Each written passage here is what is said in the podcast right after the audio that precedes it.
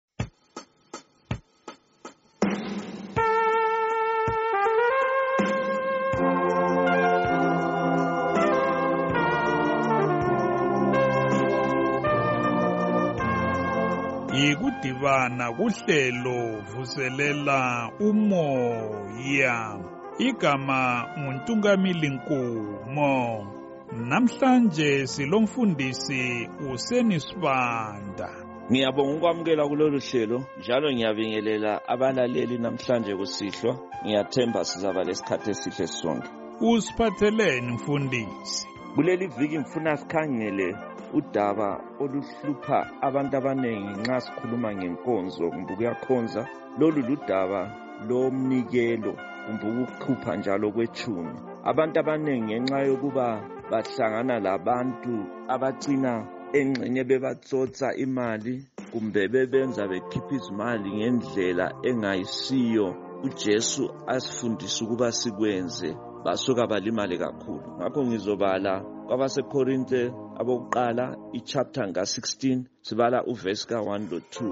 ukhuluma ngomnikelo mayelana lomnikelo onikelelwa abantu bakaNkuluNkulu yenzani lokhu engatshela amabandla aseGalatiya ukuba akwenze ngosuku lwakuqala maviki wonke yilowo lalowo wenu kabeke eceleni imali ethize kusiya mayelana leholo lakhe ayigcine ukuze kuthe kufikeni kwami kungabi lokuqoqa okwenziwayo siyananzelela lapha ukuba uphawulu wayebhalela abazalwane basekorinte ekhuluma labo ngodaba lomnikelo ngibona kulezinto ezithize esingazifunda lapha a- akhuluma ngazo okokuqala okungcono okungekho mceke ukuba kutsho ukuthi lolu daba lokunikelwa lwalukhona njalo kubandla elitsha ele- esingathi ibandla letestament elitsha ibandla elaliqaliswe kusukela kujesu Ah, ngathi indaba yokunikela ayiphelelanga nje kuphela ku-old testament kumbe kutestament elidala njalo sinanzelela ukuthi kuleli testament elidala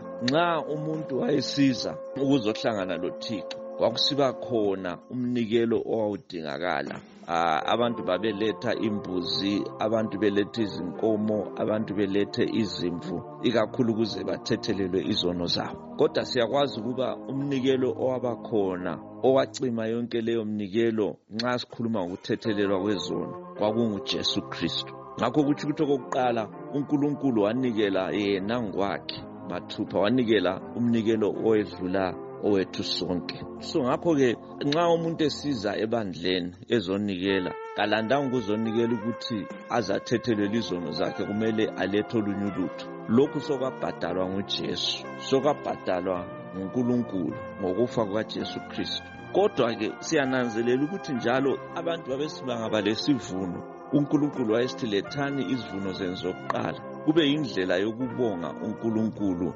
ngokupha asenzele khona ngoba yonke into esilayo siyiphiwe nguye uNkulunkulu ngakho siyabe sibisela kuye nxa sinikela sibisela kuNkulunkulu kuyisibongo njalo kuyikunanzelela ukuba yonke into esilayo yonke into esiyitholayo ayisitsho ukuthi sihlakaniphile kumbe sikuthole ngamandla ethu kodwa sikuthole ngenxa yokuthi sikuphiwe nguthixo akuyiphethe ah, mfundisi ngifuna sigqibe ngalokho ukuba yilowo lalowo wethu kumele uzibuze ukuba kambe wena uNkulunkulu umbonga njani esigabeni sokumkhonza ngemnikelo ngoba ukunikela yikumkhonza unkulunkulu ukwenza ngenxa yokuthi ufuqwe ngomunye umuntu kumbe ukwenza ngenxa yokuthi uyamthanda ujehova njalo uyambonga asithandazeni baba ngegama likajesu khulumisana lathi enhliziyweni zethu ukuze baba konke lokhu esilakho sikulethe kuwe sibonga njalo singabantu abakwaziyo ukuba yonke into iqala kuwe njalo yonke into izophetha kuwe sibongile baba ngegama likajesu kusisa abantu abakho abalaleleyo sizahlangane njalo ngeviki elizayo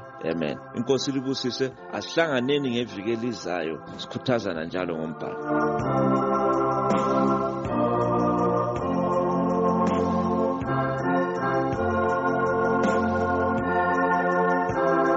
lolo bekuluhle